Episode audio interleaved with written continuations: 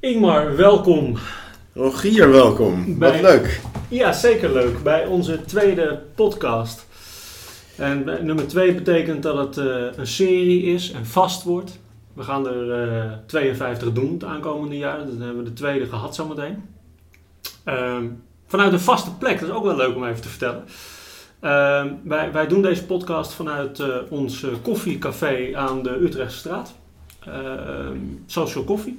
Ehm, misschien moeten we dat het muziekcafé gaan noemen, is ook wel leuk. Nou, ja, het begint ook echt op een studio te lijken. We richten het ook op deze manier in. We zitten hier nu aan een hele mooie tafel met een professionele microfoon. Dus het, eh, ja, het begint echt ergens op te lijken, Rogier. Ik vind het alleen maar fantastisch. Het begint Mijn enthousiasme is eigenlijk wederom net zo groot als dat we onze eerste podcast vorige week opnamen. Ja, zeker, absoluut. Ehm, eh, misschien zelfs nog wel een beetje groter en dat komt door, eh, door de song die we mogen vastpakken. Ehm, even voor de luisteraars, iedereen dank voor alle leuke reacties van afgelopen week. ja, nou, echt onvoorstelbaar Ja. gewoon hoeveel. En zelfs aanvragen voor, met, met nieuwe nummers, met nieuwe artiesten, om die volledig te ontleden. Dus dat vind ik inderdaad een, eh, goed dat je die mensen even bedankt. Ja, ik denk ook dat dat het allerleukste is, is als we elke keer eh, eh, verzoekjes krijgen voor nummers, want dan, ja, dan leidt de muzikale reis zichzelf. Zeker. En dan kom je ook hele andere hoeken tegen waar wij misschien op dit moment helemaal niet eens aan denken.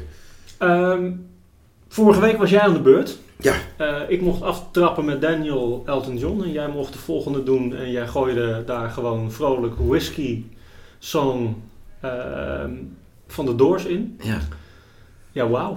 Ja, ik, eh, misschien is het leuk om, eh, om de mensen even te laten horen over welk nummer wij het in deze podcast gaan hebben. Ja, ik denk dat dat een, dat dat een uitzonderlijk goed idee is. Ik start hem even en geef even mee waar we het over hebben. Ja, leuk. Show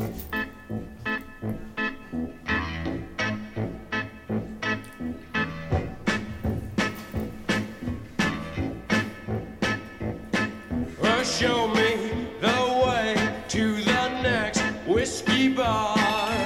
Oh, don't ask why. Oh, don't ask why. Ja, met pijn in mijn hart zet ik hem stop. Ehm, Ja, je had hem liever helemaal ja, gelijk uitgedraaid nu. Maar wel een song, Ingmar. Ja, het is, het, het, het is echt een serieuze song en hij dateert al van een eh, van early stage. Eh, We praten eigenlijk aan, aan, aan de start van dit nummer ligt ergens rond 1927, maar uiteindelijk de grote sprong naar 1967, wanneer die uitgebracht is door, eh, door de Doors. Hij draagt meerdere titels. Ik bracht hem inderdaad vorige week als, als de Whiskey Bar, hè, de Whiskey Bar.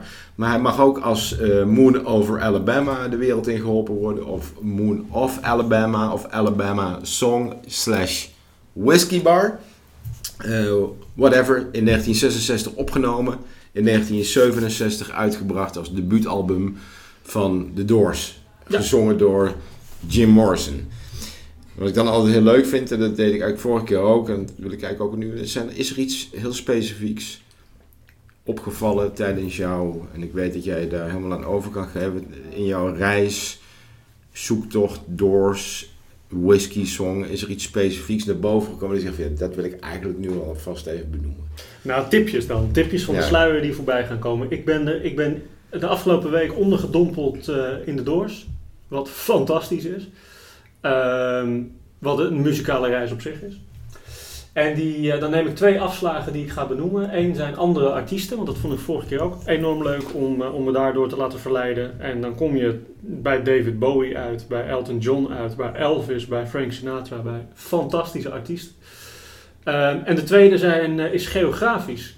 Ik kwam op allerlei open deuren en open ramen uit bij, bij, bij van Amsterdam tot aan Parijs, logischerwijs. Ehm, tot aan Marokko. En mensen die, die iets, iets weten van mijn achtergrond, Marokko speelt een groot deel in mijn leven. Ja. Ehm, dus ik, was, eh, ja, ik zat met een smile op te luisteren naar de Doors de hele week en te kijken en te lezen naar alle dingen die ik voorbij zag. Ja, dat is wel. Ehm, dus dat gaat voorbij komen. Ja, dat is mooi. Ik, de- ik moet zeggen, ik heb natuurlijk ook een reis gemaakt. Ik ben Marokko niet tegengekomen, dus ik ben oprecht nieuwsgierig naar wat zich daaruit gaat, eh, gaat voltrekken. Ehm, ja, ik heb, ik heb even gekeken naar de band, de, de, Doors, en die is bij veel mensen wel bekend, maar bestaat uit een, eh, mannetje of vijf. Hè? Paul, John, Ray, Robbie en vanzelfsprekend Jim als leadzanger. Er worden instrumenten gebruikt die je ook heel goed terug hoort in elke song. van een tamboerijn tot een Gibson eh, toets. Eh, dus eigenlijk een soort pianootje. Maar het allerbelangrijkste vond ik even, die staat nergens benoemd, is een klaversymbol. Even, misschien wel een van de bekendste sounds die de Doors uiteindelijk kenmerkt. Dus die, eh, ja, die, die kwam niet terug, maar dat vond ik opvallend dat hij niet terugkwam. Dat de klaversymbol echt specifiek door de Doors gebruikt wordt. Dat is het geluid van, van de albums van de Doors. Zeker van het eerste album van de Doors. eh gelijknamige album de Doors. Eh, in L.A. Woman hoor je het minder heftig terug. Dan Ja. zie je toch al dat dat een periode later is. Ja. Ehm, dan hoor je ook terug dat Jim al wat langer drank en drugs in zijn lijf heeft zitten. Ja, Ehm, ook daar kwam ik wel iets bijzonders over tegen wat ik niet wist. Ehm, met de Doors hebben ze in die jaren ontzettend veel opgetreden. Eh, in alle, alle tv-shows, live optredens, eh, concerten, et cetera. Totdat Jim er helemaal gek van werd. Eh, daar komen we ook nog wel even op, denk ik. Maar wat ik niet wist, gewoon een simpel klein, klein feitje. Ehm LA Woman hebben ze opgenomen. En daarna is Jim eh, eh, gevlucht met zijn eh, toenmalige vriendin Pamela naar Parijs. Hij heeft Ray even, van de band vaak gesproken aan de telefoon van hoe gaat het met het album? Ja, het gaat fantastisch. Record sales, ze vliegen over de, over de toonbank, de aanvragen vliegen binnen. En Jim zei steeds, als ik terugkom, dan wil ik live optreden. ja. Wat dus betekent dat zij het album LA Woman nooit live hebben gedaan. Oh echt? Want Jim kwam niet terug. Nee, Waar, was hij dan? Weet je dat ervan? Nee, hij zat in Parijs. Ja. Ehm, in, die, in die maanden eh, voor zijn dood op 3 juli eh, bracht hij door in Parijs. Ja, inderdaad. hij En op 3 uiteindelijk- juli is hij dood gegaan. Is hij uiteindelijk overleden Ja. in Parijs? Ja, daar is ook nog wel, wel een bijzonder verhaal over. ehm, ehm, over eh, de grap is dat ik in een interview met Ray las ik. En vertelde die, er zijn een paar mooie interviews op YouTube ook te vinden. eh, vertelde die over die, eh, ja, die tijd dat hij erachter kwam. ehm, dat hij gebeld werd door de manager toen de tijd. eh, van, van ja, Ray, Jim is dood. En zei hij, Jim is helemaal niet dood. Dat geloof ik Jim is niet. gewoon ver- verdwenen. De, de, Ja, Jim is niet ja, dood, want ja, maanden daarvoor eh, ehm, eh, kreeg, waren ze bij een benefietconcert en toen kwam Jim ook niet opdagen. En toen kwam er ook iemand aanlopen en die zei, joh, Jim, Jim is dood, die is onder een, eh, onder een, eh, eh, onder, een, onder een auto gekomen en die is dood. En toen kwam Jim vijf minuten later binnenlopen, doodleuk, er was niks aan de hand. Ja. Dus de reactie van Ray, die vind ik wel heel erg mooi. Iets wat ik ook niet wist, is dat hij zei: joh, dit is een, dit is een, een Beatles Abbey Road verhaal. Er is een hele lange speculatie toen de tijd geweest dat Paul, want die loopt in de Abbey Road hoes, loopt hij op blote voeten over eh, Ja. de zebra. Ja. En Paul McCartney heb je nu al. ja, Paul McCartney, sorry. Ja. Ehm, en wat, eh, wat eh, dat betekent in Italië, als je in een pak op straat loopt in een foto of een tekening met blote voeten, dan ben je dood. Dus Ray zei, van, ja, dit is weer een grap. Ja, ja, Er zijn ja, zoveel ja, verhalen ja. over mensen die nu doodgaan allemaal en weet ik veel wat. Jim is niet dood. En toen kwam het verhaal natuurlijk achteraan. Dat hij, dat hij daadwerkelijk dood was. Ja, hij, is, hij dood hij was. is natuurlijk op meerdere, keer, op meerdere momenten is hij gewoon uit beeld verdwenen. Ja, riep net, Doodverklaard. ah, ah, doodverklaard, maar ook gewoon dat ze niet wisten waar hij was. Jij riep net, ik ben Amsterdam tegengekomen in het verhaal. Hij zou hier in Amsterdam optreden en de, uiteindelijk heeft een van zijn andere bandleden die zang overgenomen omdat Jim Morrison nergens te bekennen was. En ze weten tot even nog steeds niet waar hij ooit was. Maar waarschijnlijk lag hij ergens in de goot aan de LSD te trippen. En wist niet eens dat hij een concert had of daar een afspraken over had. Maar zo heeft hij zijn, zijn optreden in Amsterdam eigenlijk gewoon vergooid. Dat is wat er Het grappige is over grappig. De, de Doors hadden het niet eens bestaan. Je had het over die, over die studie en over die eh, in Illinois, zeg je. Ja, was het? Of niet? Nee, de... de Ja, uit Illinois. De, de, de rockgeschiedenis, Ja. uiteindelijk waar het ooit begon uit Illinois. Morrison, die kwam uit Florida. Uiteindelijk hebben ze met z'n allen een bandje opgericht. En die band had geen vaste bassist. Ik weet niet of je dat... eh, Nee, niet ja, ja, die had geen vaste bassist. Dus je had Jim Morrison op de zang en John Densmore als drummer. En Robbie Krieger die speelde dan de gitaar.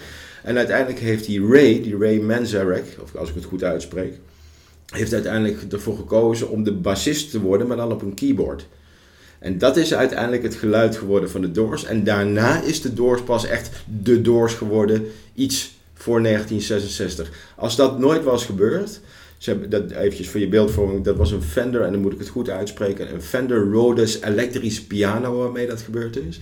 Op basis daarvan is de daadwerkelijke band, de Doors, uiteindelijk heeft gestalte gekregen. Fantastisch. Dat is fantastisch inderdaad. Nou, nooit, nooit geweten. Ja, ik heb, Ja. ik heb wel, ehm, eh, als ik naar Jim Morrison zijn eh, geschiedenis eh, keek, eh, is dat het een, een ongelooflijk eh, intelligente jongen altijd al is geweest. Ja.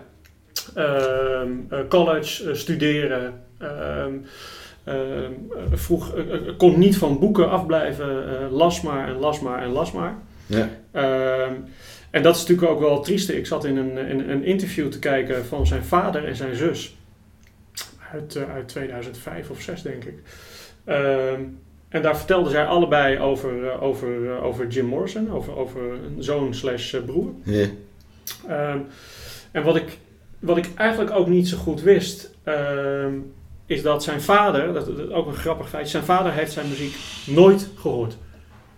Die is. oké, oh. Die is overleden in 2008 en, en voor die tijd heeft hij, heeft hij de muziek nooit geluisterd. Ehm, was het natuurlijk eh, eh, ook niet helemaal eens met de keuzes die zijn zoon eh, maakte. En het was blijkbaar ook een grote verrassing, want hij belde ineens van... ik ben, in plaats van ik ga studeren en ik ga dat doen... ik ben leadzanger van een groep geworden, de Doors. En zijn Ja. vader zag toen in de loop van de jaren steeds... de Doors voorbij komen op televisie en had wel door dat zijn zoon succesvol was. Ja. Maar kende alle, alle titels van de nummers, maar luisterde het nooit. En wat ik interessant vond is dat zijn, en, en, en dat leidt naar zijn dood eigenlijk, is dat zijn zus, hem, eh, eh, hij vertelde zijn zus eh, op een bepaald moment, voordat hij naar Parijs vluchtte eigenlijk van, iedereen vraagt maar steeds om Light My Fire te spelen en ik wil die niet meer spelen. Ik wil dat ze mijn poëzie gaan horen, maar als ik poëzie voordraag, willen ze me niet horen. Ja, en dat was het eigenlijk. Hè. Ik bedoel, hij had ook een muze, hij was een, hij was een poëet eerste klas. Wel grappig in, in de periode, want die wil ik er nog wel even uithalen, dat hij studeerde in Florida. Dat was eigenlijk de reden dat hij daarheen ging. Was een toevalligheid, een pure toevalligheid, dat Francis Ford Coppola studeerde daar in exact dezelfde periode. En uiteindelijk, de Evergreen, This is the End van de Doors, daar waar we het nu niet over hebben. In 79 is uiteindelijk terechtgekomen in de film die hij regisseerde, eh, Apocalypse Now. Ja, fantastisch. hè? Dat is de combinatie die daar gelegd is. Maar ik wist helemaal niet dat zijn vader, dat wist ik echt niet. nee, dat, dat Ook niet dat hij overigens pas heel laat overleden is. Nee, die is in 2008 pas overleden. En die, eh, die, eh, wa- wat wel heel mooi is, want hij was uiteindelijk, en dat zie je ook terug in dat interview eh, op YouTube staan, dat zie je ook, ook dat interview terug. En dan is hij eigenlijk enorm trots op zijn zoon. Waarbij die, het, het was een marinier, of, marineofficier, dus hij kon er heel moeilijk bij. Eh, bij wat, wat, wat zijn zoon aan het doen was. Maar hij heeft, eh, als je het graf van, eh, van Jim Morrison bekijkt, Jim Morrison ligt begraven in Parijs. Ja, in Lachaise. dood, ja, ja, ja. exact. Doodgegaan in Parijs, begraven in Parijs. Ehm, is dat dat, er staat een Grieks geschrift op het graf. En dat Grieks geschrift is vertaald in het Amerikaans aan True to its own spirit. Mhm. Oftewel, Jim was, was vrij in zijn eigen geest en ze doen en ze laten. En dat heeft zijn vader erop laten zetten. Dat Dus die is met een Griekse professor bezig geweest om, om iets te zoeken wat hij in het Grieks, omdat fi- filosofie zo'n zo'n onderdeel van zijn leven was van Jim, eh, daarop kon laten zetten. Ja. Ook nooit geweest. Wat een grilligheid, hè? En zelfs tot op de dag van vandaag, bij het graf op Père Lachaise in Parijs, lopen nog steeds honderden mensen om zijn graf te bezoeken, om een fles whisky er neer te zetten, om bloemen neer te leggen en joints. Die man die heeft iets veroorzaakt. Is bijna, dat is onvoorstelbaar. Tot op de dag van vandaag worden er nog steeds jaarlijks 13 miljoen songs van hem eigenlijk gedownload, geluisterd. En, en vindt dat in beweging. Met name even de, de, de song waar het hier om draait, en dat is de Whiskey Bar. Ja, geweldig. Het is, een, het is een man met een echt een heel extreem leven. Echt een heel extreem, echt een womanizer was het ook. Echt een man met leren broeken, lang haar, kettingen, een hoop vrouwen aan zijn hand. Hij heeft, en daar hebben we het in de vorige podcast over gehad, eh, heel even kort, en dat zie je ook terug op de website. Een van, van, maar van mijn favoriete hoesen is de Velvet Underground. Velvet Underground en Nico, dat is de hoes met die banaan. Ja. En die Nico, dat is een vrouw. En dat was ooit een vriendinnetje van Jim Morrison. Maar wat ik niet wist, en waar ik wel achter ben gekomen in de afgelopen periode, hij heeft ook met Janis Joplin een date gehad en is hier even een poosje geweest. Maar ook met Linda Eastman. En Ja. dat is de latere vrouw van Paul McCartney. Ja, dat klopt inderdaad. En daar heeft hij uiteindelijk heeft hij daar gewoon ontzettend mee gedate. Ja, er zijn, er zijn eh, eh, enorm veel verhalen over, eh, over al zijn, zijn escapades, zeg maar. Ja, Ehm, wat, ik- wat, ik ook, wat ik ook heel mooi vond om, om te lezen in, in even dat het gaat nog even over zijn doodgaan, zeg maar. Zijn Ja, periode. Daar komen ja. we straks nog misschien wel even op terug, hoor, Ja, die periode in Parijs. Maar ehm, hij was eh, een, een Nietzsche en Oscar Wilde waren zijn, zijn, zijn grote filosofische voorbeelden. En in de laatste periode dat hij in Frankrijk verbleef, ehm, ehm, moest hij even uit zijn appartement waar hij zat. En verplaatste zich naar een, apart, naar een hotel in Parijs. Ehm, en in een kamer in een hotel in Parijs, waar Oscar Wilde op, eh, geloof 30 november, mijn verjaardag toevallig, ja, eh, op 46-jarige leeftijd overleed. In die kamer. En dat is opgeteld, ik denk, nog geen twee weken voordat hij op 3 juli zelf overleed. bizar. En op Père ligt hij nog geen 100 Ja, meter dat- dat van weet ik wel. Oscar Wilde. Ja, Ja, ja dus Ja. Het, is, het, is, het is bijna een, een... Het is Halloween, maar het is bijna een freaky story. Als je sommige dingen bij elkaar optelt over zijn, over zijn leven. Ehm ja, is gewoon bijzonder. ja Extreem zijn bijzonder. heel bijzonder. En uiteindelijk de bandleden, ja, er, er zijn er nog gewoon een aantal van in leven. Er is, er is een, eh, een, eh, een band die de, die de Doors eigenlijk nadoet, hè, een soort coverband. Ja. Wild Child heet die band. Die, die treedt inmiddels niet meer op, weet ik. Maar dat is echt een band die eh, ja, bijna een 100% gelijkenis had Ja. met de Doors zelf. Ik ben daar ooit een keer zelf geweest in het paard in Den Haag. Nou, het was inderdaad gevoelsmatig dan, want ik heb het echt nooit gezien. Gevoelsmatig alsof ik echt bij de Doors was. De, de emotie daarbij, nou, fantastisch was dat. Het was echt fantastisch. Ik las een interview met, eh, over hoe moeilijk dat allemaal is om daarbij... En hoe knap dat dus is dat je daar zo dichtbij kan komen bij zo'n Jim Morrison. Eh, we hadden het vorige, vorige podcast over, toen we hem aankondigden over Val Kilmer en de film The Doors. Ehm, ik las in een interview met Mac Ryan, die Pamela speelt in de, in Zeker. de film. En goed is dat zij, en ontzettend goed, is dat zij zo in die rol terecht was gekomen. Dat zij een aantal momenten, en ook door anderen, eigenlijk teruggehaald is. Omdat dat leven zo diep in haar begon te zitten. Van drank, drugs, psychedelic, LSD, alles wat daar omheen speelde. Is dat zij letterlijk in die rol zelf aangaf later. Ik dreigde echt te verliezen. Gewoon af te glijden. Af te glijden, ja. Oh ja. Ja, ja dit, zegt, dit is de heftigste rol ooit. Ja, ik kan Dit- me daar ook iets bij voorstellen eigenlijk. Als je erover nadenkt dat iemand zo... Het is een... Ja, in een, in een bizar leven kom je dan terecht. Nou, dat was wat ik eigenlijk net als begin tegen jou zei. Van ik ben een week lang ondergedompeld in de doors. Ja, En dat is bijzonder. ja dat is heel bijzonder inderdaad. Alles Stel je nou, bent zo on- ondergedompeld. Dat hebben we nog niet genoemd in de podcast. En daar, daarvoor nogmaals dank. Dat heb ik net ook al gedaan voordat we gingen opnemen. Eh, Rogier heeft voor mij een fantastisch t-shirt meegenomen. Met op de, op de voorkant de beeldenis van Jim Morrison. Met daarboven de Doors in het originele logo. En op de achterkant van het t-shirt zijn geboorte en zijn sterftedaad. Maar fantastisch, want ik bedoel, ik ben, wat ik al eerder aangaf, echt een liefhebber van de Doors, al van jongs af aan. Vind ik hartstikke leuk, Rogier. Dankjewel daarvoor. Graag gedaan. We zullen even een fotootje posten van... Oh ja, van, dat is leuk. Ja, dat vind ik ook leuk. Wat, wat, ik, wat, ik, wat, ik, wat mij ook opvalt, hebben we de vorige keer in de podcast ook gezien. En nou ben ik nieuwsgierig of dat een rode draad gaat worden. En dat zullen we dan wel zien op het moment dat we weer de volgende opnemen. Maar ook in deze song, in de whisky song noem ik hem maar eventjes, zijn dingen weggelaten. Ja. Weggelaten die uiteindelijk wel origineel in de tekst voorkwamen. En nou is mijn zangkwaliteit beneden peil, dus dat ga ik niet doen. Maar er staat ergens een zin, show me the way to the next little dollar. Ja. Die zou daar eigenlijk in passen. In welke zone van het liedje weet ik niet. Dat- Daar ben ik niet achter gekomen, misschien jij wel. Maar uiteindelijk is dat verwijderd. En het tweede couplet, Show us the way to the next pretty boy, is door Jim Morrison uiteindelijk op een andere manier neergezet. Eh, misschien vanuit zijn womanizer gedachte.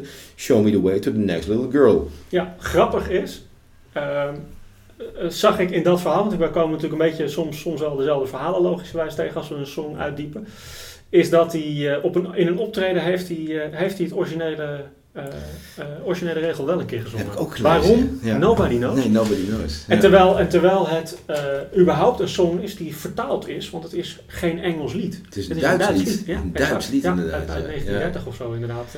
far, far away. Nou, sterker nog, dat, daar begonnen we bijna. Het komt uit 1927. Het is uiteindelijk vertaald in. Nee, het is voor het eerst gezongen in 1930, maar het is vertaald vanuit het Duits naar het Engels. En uiteindelijk, als je de tekst. En zo goed ben ik ook niet in Engels hoor. Ik heb het ook teruggelezen. Maar als je het echt goed beluistert, dan hoor je dat het niet op de juiste manier in de Engelse taal gevangen is. Ja, klopt. En dat is in die periode gebeurd. En in 1930 werd het uiteindelijk voor het eerst echt gezongen. Ja. Uit mijn hoofd ergens opera gerelateerd. Toneelstuk. Ja, in een toneelstuk, ja. ja. Een, een Duitse songspiel, zoals ze dat zo mooi noemen. Onvoorstelbaar eigenlijk, jongen, dat zo'n nummer zo oud is en dan uiteindelijk op deze manier eh, wereldberoemd geworden is. En niet alleen door Jim Morrison, Ja, maar ook nog door andere artiesten. ja, ik wou het linkje net maken. Dat is, dat is geen toeval dit. Ehm, ehm, Daniel was eh, vorige week, eh, kwam eruit dat hij niet zo vaak gecoverd was. Deze eigenlijk ook niet. Maar wel door een van, eh, van een andere, door een andere grootheid en een grote favoriet van mij ook. David Bowie. Ja. Eh, die zong hem in zijn, in zijn eh, World Tour eh, 1978. Er zijn opnames van zijn op YouTube. Is heel leuk om te kijken. Ja? Eh, het lijkt Ook dat... mooi om te luisteren ook. Nou, ik, ik, ik vind het niet zo mooi om te luisteren. Ik vind geen mooi nummer gedaan bij David Bowie. Ehm, ik denk dat toen hij hem deed... Hij heeft hem later uitgebracht, maar hij heeft, hij heeft hem eerst live gedaan. En Ja. het lijkt er een beetje op dat hij, eh, dat hij eh, eh, behoorlijk onder invloed was toen. En het als een grapje is gaan brengen, die, eh, die song. Ja. Ehm, ik, ik zal een heel klein stukje even laten horen. is misschien wel leuk eh, van de David Bowie versie. Ehm, die, Ja. Ja, voordat jij hem hebt, misschien is inderdaad het, originele nummer, daar hadden we het net over, 1927, is geschreven door die Bertolt Brecht. Ik ken de beste man niet, maar dat is uiteindelijk wel de schrijver. En wat blijkt is dat David Bowie een enorme aanhanger en fan was van deze Bertolt Brecht. Ja. Dat was een, ja, daar moet je dan van houden. En hij zat natuurlijk in een hele andere scene dan dat wij ooit zullen zitten. En kende deze man. En dat is een van, de, één van de redenen dat hij dit nummer gecoverd heeft. Omdat hij daar zo'n fan van was. Ja, dat, dat komt weer terug uit zijn jeugd. Is dat hij zo ongelooflijk veel las. En die verslinde boeken en, en, en filosofie en alles.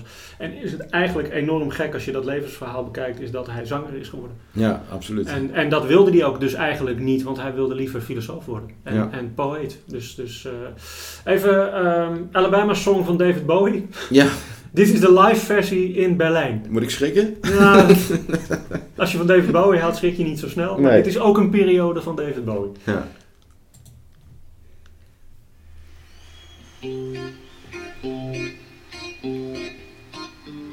Oh, show us the way to the next whiskey bar. Oh, don't ask why. Oh, don't ask why. Ik denk niet dat ik te veel heb gezegd, is dat David er, eh, eh, eh, er in- in een staat was waarin hij de noten niet helemaal meer raakte. Uiteindelijk heeft hij er wel voor gezorgd dat hij op nummer 23 in de UK op de hitlijst terecht kwam. En vooraf, en je hoorde dat al een beetje, en dat gebeurt hier eigenlijk ook, is het nummer een klein beetje gecalculeerd om, het, om uiteindelijk het op de radio te laten horen, maar wel gelijk te ontwrichten. Nou, daar kan ik me bij Bowie van alles bij voorstellen. En ik denk dat dit een periode is die Jim en, en Bowie wel een beetje gelijkenis met zich meebrengt. Ja, de, er, is de, ook de drugs of de drank of de... Hè? er is een grappig verhaal eh, over David Bowie is veel gewisseld van platenmaatschappijen. Ehm, er gaat een verhaal rond is dat hij deze single heeft uitgebracht. Eh, althans zijn producer, Tony Visconti. Dat hij hem uitgebracht heeft om eh, het contract met eh, toen de tijd RCA Records een Mhm. beetje te vervroegen. Ja, ja, ja, ja, ja, ja. Wat echt wel typisch Bowie is. Wat ik even mijn ritje naar Amsterdam, die wilde ik je vertellen, want daar Ah, ik om lachen Ja. toen ik dat zag. Ik zat vorige week een, een, een prachtig programma van de NPO te kijken met Matthijs van Nieuwkerk. Ehm, ehm, ehm, oh, Chansons. Tweede seizoen van Chansons. En dan staan zij eh, in de platenzaak en dan komt daar ineens ehm, een plaat naar boven die ze laten zien, namelijk van David Bowie, Amsterdam. Wat ik niet wist. Ik ook niet. Ik kende het nummer Amsterdam van David Bowie niet. Nee. Dat zegt niks, want ik ken niet alle nummers. Nee. Eh, origineel, want zo ging het in het tv-programma van, eh, van de mannen van chansons, ter referentie naar Jacques Brel. Van, Want die, die ken, die ken ik ook. Ja. Die kennen we wel. Ja. En toen moest ik lachen, want de uitgebrachte versie van David Bowie van The Whiskey Bar, ehm Whiskey Song, Niet om aan te horen. Ja. niet om aan te horen, maar de uitgebrachte versie van 1980, Ja. eh, daarvan eh, is de B-kant Amsterdam. Van Oh, die David ga ik Bowie. luisteren. Dat Ik- vind ik, ik wel moest wel vet. lachen, Dat vind ja. ik, deze wist ik niet. Sommige dingen zijn geen toeval natuurlijk. Ehm, even, even gewoon eh, little bit fact shooting. Ja. Ehm, ik zei tegen jou, ik heb nog eentje ontdekt die hem gedaan heeft en dat, die gecoverd heeft. En dat is zo grappig. Ehm, die je niet verwacht. Johnny Logan. ja nou, Mr. Songfestival Mr. Songfestival himself inderdaad. Dat Ja. is, maar dat is een, een, een, een unieke tekstschrijver deze man. En kan ook nog mooi zingen. Maar die heeft hem gecoverd in... Die heeft hem gecoverd. Heb je een jaar erbij? Nee, maar dat moet, moet in de jaren, jaren 90 zijn geweest. Ja, Even, ik heb hem niet, niet, eh, niet erbij geschreven. Ehm, ik vond het alleen grappig dat hij het gedaan had. Ja. Marilyn Manson heeft hem gedaan, Nina Simone heeft hem gedaan. Eh, allemaal, allemaal Ja, ja, die heb ik ook teruggevonden inderdaad. Ja, dat is, maar het is natuurlijk een ontzettend kitscherig nummer uiteindelijk. Ik bedoel, dat, eh, dat, dat kunnen we niet ontkennen. Ja, Dat, dat, ja, dat is een... eh, het is overigens wel een van de best verkochte albums. Hè? Uiteindelijk even terug naar de Whiskey Bar en The Doors. Dat is een van de aller, allerbest verkochte albums ooit gemaakt. ja, ja, absoluut. Waar die whisky song op staat. Dus dat is... eh, het was Ja. een- dat, dat is een, dat is een, een, een, een, eh, een release geweest die een hoop haast in zich had. Andere nummers staan er ook op. Blijkbaar Fire, dat was helemaal een haastklus. Die is er in één keer op gezet. Daar hadden wij toevallig voor deze podcast nog heel eventjes over. Heel leuk. Ehm, maar goed, ik bedoel, dit, dit, draaft door. Dit blijft altijd een mooi nummer. En ik blijf, ook al is het kitsch, vind ik het bijzonder dat ook andere artiesten dit nummer gekopieerd hebben. En dat zal het nog wel blijven. Je hebt me wel nieuwsgierig gemaakt met Marokko. Die, Ja. heb, je- die heb je nog niet de revue Ja. laten passeren. Ehm, die, die doe ik even in een tweetrapje. Oh ja. Ehm, nee, dat geeft niet, want ik, ik wilde nog iets, eh, iets, iets eh, aanvoegen bij... Ik was op zoek naar de connecties tussen de artiesten. ja. Ehm, dus David Bowie en Jim Morrison, was daar nou een band of een, of een, of een, of een, een link te maken? Nou, die is eigenlijk niet. Ehm, ze hebben elkaar eigenlijk bij, eh, eh, misschien een keer on, on set stage, maar eigenlijk nooit ontmoet. Eh, terwijl ze dicht bij elkaar in de buurt waren altijd. Ehm, het enige wat ik grappig vond is dat er, een, eh, er is ooit een interview geweest met David Bowie waarin hij zijn, zijn favoriete nummers eh, eh, mocht vertellen. En zijn absoluut favoriete num- nummer is Love Street van de Doors. ja. Dat vind ik dan wel weer She heel lives erg. Love Street.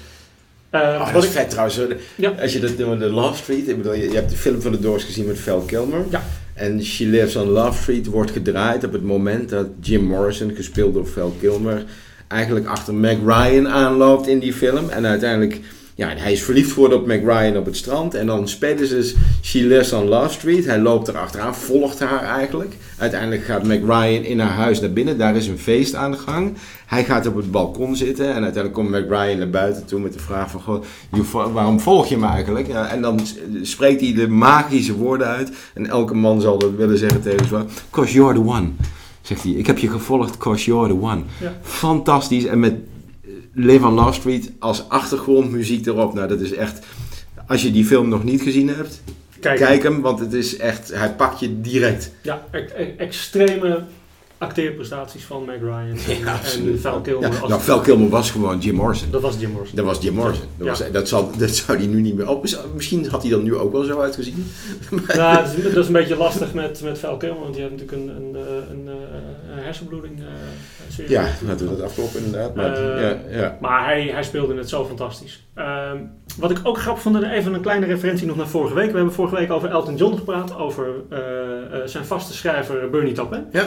Dus ik was natuurlijk nieuwsgierig, is er een link tussen Elton John te vinden en, eh, en Jim Morrison? Twee beetje, beetje andere periodes, maar het overlapt elkaar een beetje.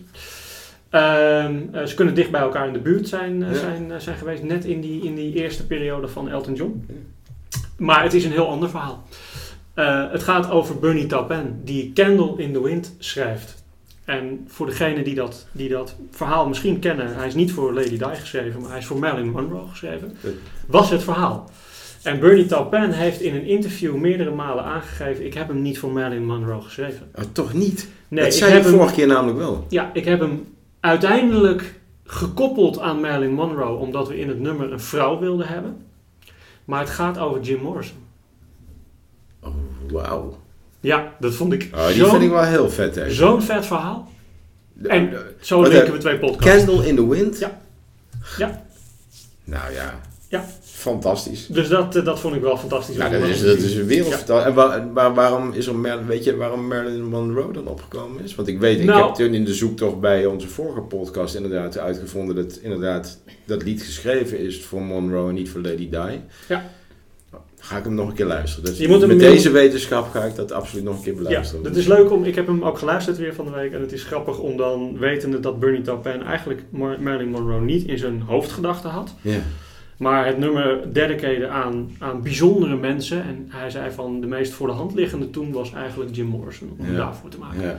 Maar het was commercieel niet handig om daar Jim Morrison voor te nemen. Dus werd Marilyn Monroe als icoon van de wereld gezet. Ja. Dus ja, heel, heel bijzonder. Bernie Taupin heeft veel interviews later gegeven in, in, in, eh, eh, waarbij hij toch, eh, oh, dat zie je ook bij Daniel, hè, waarbij hij toch wel wat dingetjes ontrafelt. Denk aan Daniel met die laatste couplet. Zeker, En- zeker. Ja. de buitengewoon interessant. Dus, dus, dus zo koppelen we twee podcasts aan elkaar.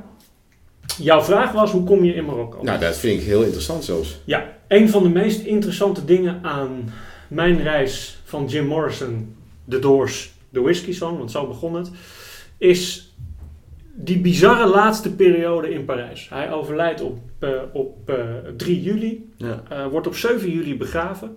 Kist is nooit open geweest. Niemand heeft het gezien. Er zijn een heleboel verhalen over dat hij overdoses heeft gekregen en niet een hartaanval heeft gehad. Er zijn allerlei verhalen die spelen. Nou ja, en zelfs in de film even, om, om, om in het verhaal, en of dat allemaal waar is, laat ik dan maar in het midden. Maar in de film zie je eigenlijk dat hij in een bad gaat liggen, in een hotelkamer, in, of in een kamer in ieder geval, in Parijs. En in dat bad uiteindelijk komt te overlijden. Dat, zo is het verhaal eigenlijk de Ja, wereld ingeholpen. Ja, en er, er is eigenlijk geen echt verhaal. Want hij is, eh, hij is, eh, ja, de kist is niet open geweest.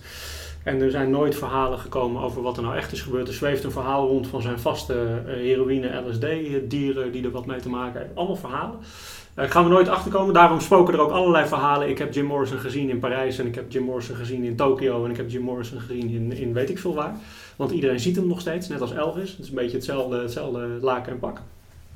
Ehm, maar ik was nieuwsgierig naar die reis naar Frankrijk. Hij beslist op een gegeven moment, ze hebben LA Woman opgenomen en dan beslist hij met Pamela samen naar Parijs te gaan, want hij was het, had hij ook zijn zus verteld, zo zat om altijd maar te spelen voor wat mensen van hem verwachten. Er zijn ook allemaal video's van waarin hij ja, waarin hij gewoon heel recalcitrant op het podium gaat zitten en niet meer zingt omdat mensen weer Light My Fire willen horen. En hij was dat zo ongelooflijk zat, is dat Ja. hij vluchtte naar Parijs. Ja. Ehm, en het is ergens eh, door iemand chronologisch in beeld gebracht. Wat gebeurde er dan in Parijs? Nou, hij is daar aangekomen. Ze zijn naar eh, hotel eh, Georges V, Georges 5 eh, gegaan. Ehm, daar hebben ze een aantal, een, een tijdje in hotels gezeten. Maar in, in eind, eh, zeg maar, het tweede deel van 1970 reist hij samen met, met Pamela naar Marokko, onder andere. Ehm, hij komt daar, daar, daar gaan ze op een rondrit, op een rondreis. En eh, ik ben dat gaan uitzoeken. En, en waar zijn ze dan geweest? En, en zijn daar verhalen van? En eigenlijk het, eh, het, het allermooiste is, moet, je- moet je bedenken dat het jaren 70 is, is een video van iemand die maakt een reis langs onder andere een, een dorpje wat ik goed ken in de bergen. Blauwe Dorp. Ehm, maar die maakt een reis en die komt uiteindelijk eh, in Essaouira. En in Essaouira, een stadje, daar, daar, daar ontmoet hij een man. Eh, en, eh, en die zegt, ja, ik, ik weet wel waar Jim Morrison is geweest. En dan blijkt hij niet in Essaouira, ook daar te zijn geweest, Ja. maar hij blijkt in Tanger te zijn geweest, in een hele beroemde bar, waar ook David Bowie en de Rolling Stones en iedereen is geweest. En die man, Marokkaanse oude man, spreekt goed Engels, vertelt over die tijd en die pakt een foto daaruit. En die laat hem gewoon zien. Hij zegt, kijk, dit ben ik met Jim Morrison. Fantastisch. Voor die bar daar. Ja. En die heeft Ja, ook een foto ja. van hem met, eh, met, eh, met Mick Jagger. en die heeft visitekaartjes van de meest... Iconische mensen. Ja, die, ja allemaal verouderd en, en, en, en, en verpulperd een beetje. Maar je herkent dat het, eh, dat, het, dat het daar is. Dat is een bar in, in Tanger geweest. Waar blijkbaar heel veel artiesten... artiesten dat is mijn Château d'Hérouville verhaal. Ja, inderdaad. jaar. Daar, link ik het direct aan wat jij nu zegt. Ja. Dus, ehm, ehm, en even in het verhaal verder komt hij, eh, eh, eh, komt hij terug in Parijs, verhuist hij nog een keer, verplaatst hij nog een keer, komt het verhaal van Oscar Wilde waarin hij nog naar een hotel gaat terug. Ja. Ehm, en, en ja, op de een of andere gekke manier is op 3 juli valt het doek. Ja, en daarmee is hij gelijk iemand die eh, in, de, in de club terechtkomt van eh, de Club van 27. En die kennen we natuurlijk allemaal. Hè. Daar zit Janis Joplin zit daar ook in, Amy Winehouse zit erin, Kurt Cobain zit daarin. En zo hebben we een hele reeks aan artiesten die uiteindelijk in die club van 27 terechtkomen. Soms bewust en soms ook onbewust. Dat, dat realiseer ik me ook wel. Maar hij was daar eigenlijk al best wel vroeg bij. Ja, Janis Ja. Joplin was eerder dan dat hij was, even uit mijn hoofd. Ik vind het, ehm, eh, ik vind het eh, eh, apart dat, hij dus, dat, dat ze dus LA Woman hebben opgenomen en ehm, dat ze er nooit aan toe kwamen om die live te spelen. Ja, De- ja. de- hij heeft zijn album nooit gespeeld. onvoorstelbaar. Het is onvoorstelbaar. Ja. En dat is een album dat is, dat is alles geweest Ja, in, de leuk, muziek, hè? in, in, in de muziekgeschiedenis. Even de Doors, het album waar we het net over hadden, was groot en meeslepend. Maar LA Woman natuurlijk ook. Het leuke is van zo'n podcast als deze, is dat ik op basis van informatie die we allebei opgezocht hebben, toch weer eventjes een extra duik ga nemen in een paar dingen. Maar ook, ook Candle in Wind, dat, blijf ik, dat vind ik heel fascinerend. Nou, dat dat vind ik echt fascinerend. Dan neem ik je nog eentje mee die ik van het weekend... eh, wij wilden hem eigenlijk vrijdag opnemen, maar, eh, maar dat lukte niet. Eh, dus ik was heel blij van het weekend dat we hem niet vrijdag hadden opgenomen, want ik liep nog ergens tegenaan. Ik was op zoek naar waar werd, behalve literatuur en filosofie en, en Nietzsche en Oscar Wilde, waar werd Jim Morrison nou door geïnspireerd muzikaal? Interessante tijd, hè? jaren 60, 70. En toen kwamen er twee naar voren, eigenlijk, eigenlijk eh, eh, Elvis en Frank Sinatra. Nou, dat had ik niet verwacht. Ehm, Frank Sinatra vond het allemaal maar dit, zus en zo. Die, die vond, er, eh, vond van die hele rock scene vond hij, vond hij heel veel, maar vond het niet heel goed. Ehm, maar Elvis, ja, die, die, die snap ik. Er gaat, een, er gaat een spookverhaal ook rond dat hij Elvis ontmoet heeft als, als jonge jongen in een kerk. Ehm, maar dat is niet te verifiëren, dus daar, daar, daar, daar, daar durfde ik eigenlijk niet verder op in te gaan. Maar het- ja, er is een heel verhaal over geschreven. Ehm, maar ik heb twee dingen die ik je graag wil laten horen. Eén is eh, Jim Morrison die Elvis zingt. Ja. En die andere vind ik eigenlijk nog opvallender. Een van de platen van Elvis waarvan je denkt, dit had ook de Doors kunnen zijn. Oh, vet, ik weet wel. Het enige wat ik weet, even aan de voorkant, is dat uiteindelijk Jim Morrison optrad in de Sullivan Show ergens in de, in de 60s. En dat eigenlijk het liefste wilde, omdat Frank Sinatra ook in de Sullivan Show had opgetreden. En dan ben je op een of andere manier een icoon of koning. In die tijd was de, nu weten we dat allemaal, hè, terugwerkende kracht. Maar in die tijd moest dat. En Jim Morrison wilde daar per se optreden. Ehm, en mocht daar geen vieze woorden gebruiken, die wel best voorkwamen in zijn tekst. Als je zijn teksten helemaal ontrafelt, komt daar redelijk wat funzigs in voor. En dat mocht niet. En dat deed hij juist in die Sullivan Show, expliciet, met zijn gezicht in de camera. Wat je ook weer in een scène terugziet in de film van de Doors. Klopt. Ja. En daar heb ik ook uiteindelijk de echte scène even van opgezocht. Die staat gewoon op YouTube, die kan je gewoon terugkijken. Ja, dat is fantastisch. Sorry dat je daar aan onderbreekt, maar dat is echt... eh, ja. Dit, dit, toont, ja. dit toont aan, even zijn ultieme favoriet was niet Elvis, maar was Frank Sinatra. Ja. Zijn ultieme Ja, icoon was Frank ja. Sinatra. Nou, ben ik benieuwd. Terug naar Elvis. Ja. Even, ik doe twee stukjes. Leuk. Eh, Elvis eh, eh, gezongen door, door Jim Morrison, Love Me Tender. Eh, interessant om te horen hoe hij dat zingt. En die andere is andersom, die laat ik je zo horen. I am yours and you are mine, and we always Love me tender, love me true, all my dreams fulfill.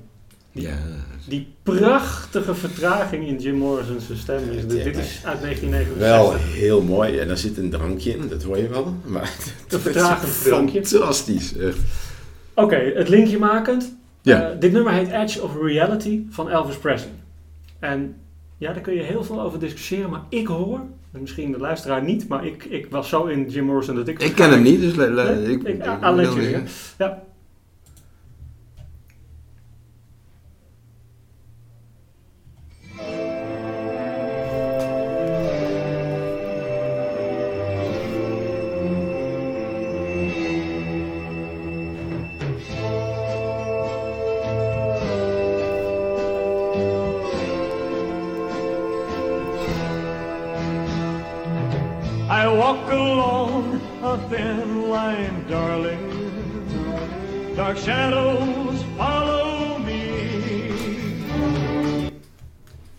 Moeite waard om helemaal te luisteren. Ik, ik, ik hoor een andere Elvis dan dat ik ken. Ik hoor ook andere instrumenten bij Elvis. Daarom lijkt het erg op de Doors. Ja. Ehm, Ja. Ik kende het nummer niet. Nee, ik En ook niet. Ik, eh, ja, hier ga ik nog even op doorzoeken. Die, eh, die moet je me na de podcast echt even sturen. Misschien is het leuk om dit nummer even op de website te zetten. En laat mensen dan eens... Ik ben even als luisteraar ben ik ook nieuwsgierig naar de kennis die jullie allemaal bezitten. En op het moment dat dit soort nummers dan even beluisterd kunnen worden, schrijf daar alsjeblieft onder wat je weet. Want ja, wij kunnen heel veel opzoeken en dat doen we ook. Maar we weten natuurlijk niet alles en kunnen ook niet altijd alles vinden. Of komen het simpelweg niet tegen omdat we op een verkeerde link klikken. Dus eh, ja, voel je vrij om daar iets over te roepen of aan te vullen. Dat Ja. vind ik echt heel leuk. Zeker. Ik heb eh, voor degenen die eh, na vorige week nog niet genoeg hadden, staat er een blog over Daniel op de website. Ja.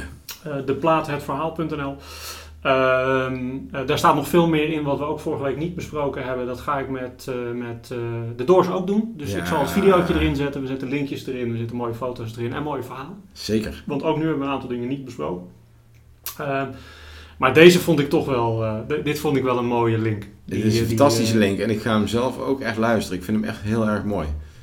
Ondertussen ben ik, eh, we hebben natuurlijk eh, in- inmiddels, ook al hebben we pas eh, één podcast live gezet en nu de tweede zijn we nu aan het opnemen. Best wel wat mensen om ons heen die naar ons luisteren en daar iets van vinden. En volgens mij had jij hem een beetje in beeld wat eventueel de volgende zou kunnen of moeten worden. En dat is door een van onze luisteraars en dat is Stefan Holman. Eh, Ja. Even open en bloot. Wij kennen Stefan en Stefan die was gelijk enthousiast, is gaan luisteren en die heeft bij ons ingediend. Mag ik alsjeblieft een nummer eh, geven, zodat jullie eens een keer een speurtocht konden kunnen houden en daar een podcast over kunnen maken? Nou Stefan, het antwoord daarop is ja, dat willen we. Ehm, Ik zal je vertellen welke, welke het is. En ik, ik, ik word hier alweer heel gelukkig van, eh, kan ik je vertellen. Ehm, qua band. ja. Ehm, omdat hier ook, dat, dat, dat weet ik nu al, zoveel verhalen omheen zitten. Maar Stefan vroeg om Fool's Overture van eh, Supertramp. Ja. Ik heb hem klaargezet. Ik zal eh, zo een klein stukje laten horen nog even. Ehm, ja, ik, ik, ik, ik, ik ben nu alweer helemaal klaar om een duik te nemen. Even vooraf, eh, kijk, Supertramp, en wij hebben natuurlijk heel vaak over muziek, Rogier. Maar Supertramp is van een volledig andere orde dan Daniel en Elton John. Dan de Doors, Whiskey Bar, maar in zijn breedte gewoon qua genre volledig iets anders. Veel scherper, veel, ja, veel heftiger eigenlijk ook. Vind je het Ja. mooie muziek? Even, even los van de inhoud straks die we, die we in, de, in, de, in de volgende podcast gaan weergeven. Vind, je- vind je het mooie muziek? Nou, er zit, er zit, eh, er zit een verschil tussen, tussen eh, Elton John, The Doors aan de ene kant en Supertramp aan de andere kant voor mij. Ehm, bij Elton John en The Doors kan ik redelijk lang achter elkaar luisteren. En Supertramp vind ik fantastisch. Ik krijg altijd een blij, blij gevoel als ik weer een mooi nummer voorbij hoor komen. Ik zet hem ook zeker af en toe op. Maar ik word altijd wel geremd dat het na het tweede, derde nummer denk ik, oké, dit is weer even genoeg Supertramp. Ja. En dat maakt hem misschien wel des te interessanter. ja. Want ik weet ook niet zoveel van Supertramp. Dat ga ik gelijk toegeven. ja. Dus ik ga een duik nemen in, eh, in de wereld van, eh, van Supertramp. Daar heb ik nu al zin in. Ik vind het bombastische van Supertramp werkelijk geweldig. Toen ik mijn, ooit mijn eerste auto kocht, had ik een cd-speler in mijn auto... waarbij ik de cd van Supertramp keihard draaide door hele slechte boxen heen. En toch klonk het mooi. Ik ben er ook heel nieuwsgierig naar. Steve, bedankt vast. Ik eh, geef hem even een zetje, dan weten we waar we het over hebben.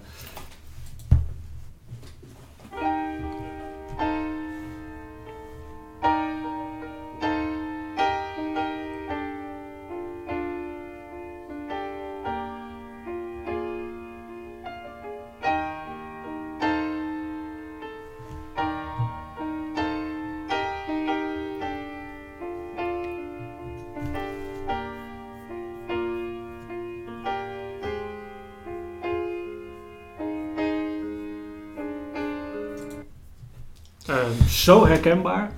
Ehm, en even voor de goede luisteraar die hem kent zal het weten. Dit duurt 11 minuten.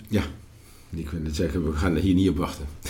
Dit zijn fantastische nummers. Ja. Waarin je gewoon, even back in time, waarin je gewoon een nummer mag maken van 11 minuten. ja, Dire Straits-achtige tijden. inderdaad. Gewoon echt een mooie... Maar goed, we gaan, eh, ik, ga hem, eh, ik ga hem luisteren. En we gaan, eh, we gaan er diepgang in zoeken. En, en we gaan er iets over vertellen. En wat dat is, dat eh, ja, is voor ons en ook voor jullie luisteraars is dat een verrassing.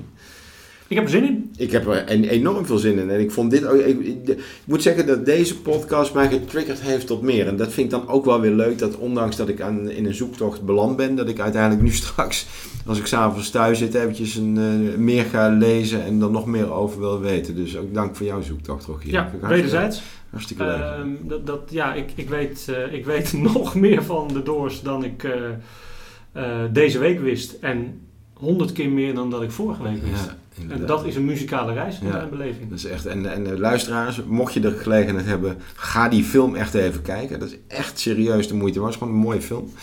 Misschien een beetje gedateerd, hè? Een beetje een jonge Phil Kilmer erin en een jonge Meg Ryan. En eh, ja, op naar volgende week, Rogier. Leuk. Ik vond het weer hartstikke leuk. En nogmaals dank voor het, eh, voor het mooie t-shirt. En ik heb eh, zin in de volgende. Luisteraars ook bedankt voor het luisteren wederom. Alles is terug te vinden op onze website. En ik hoor jullie en zie jullie en jullie reacties graag tegemoet. Tot volgende week. Tot volgende week.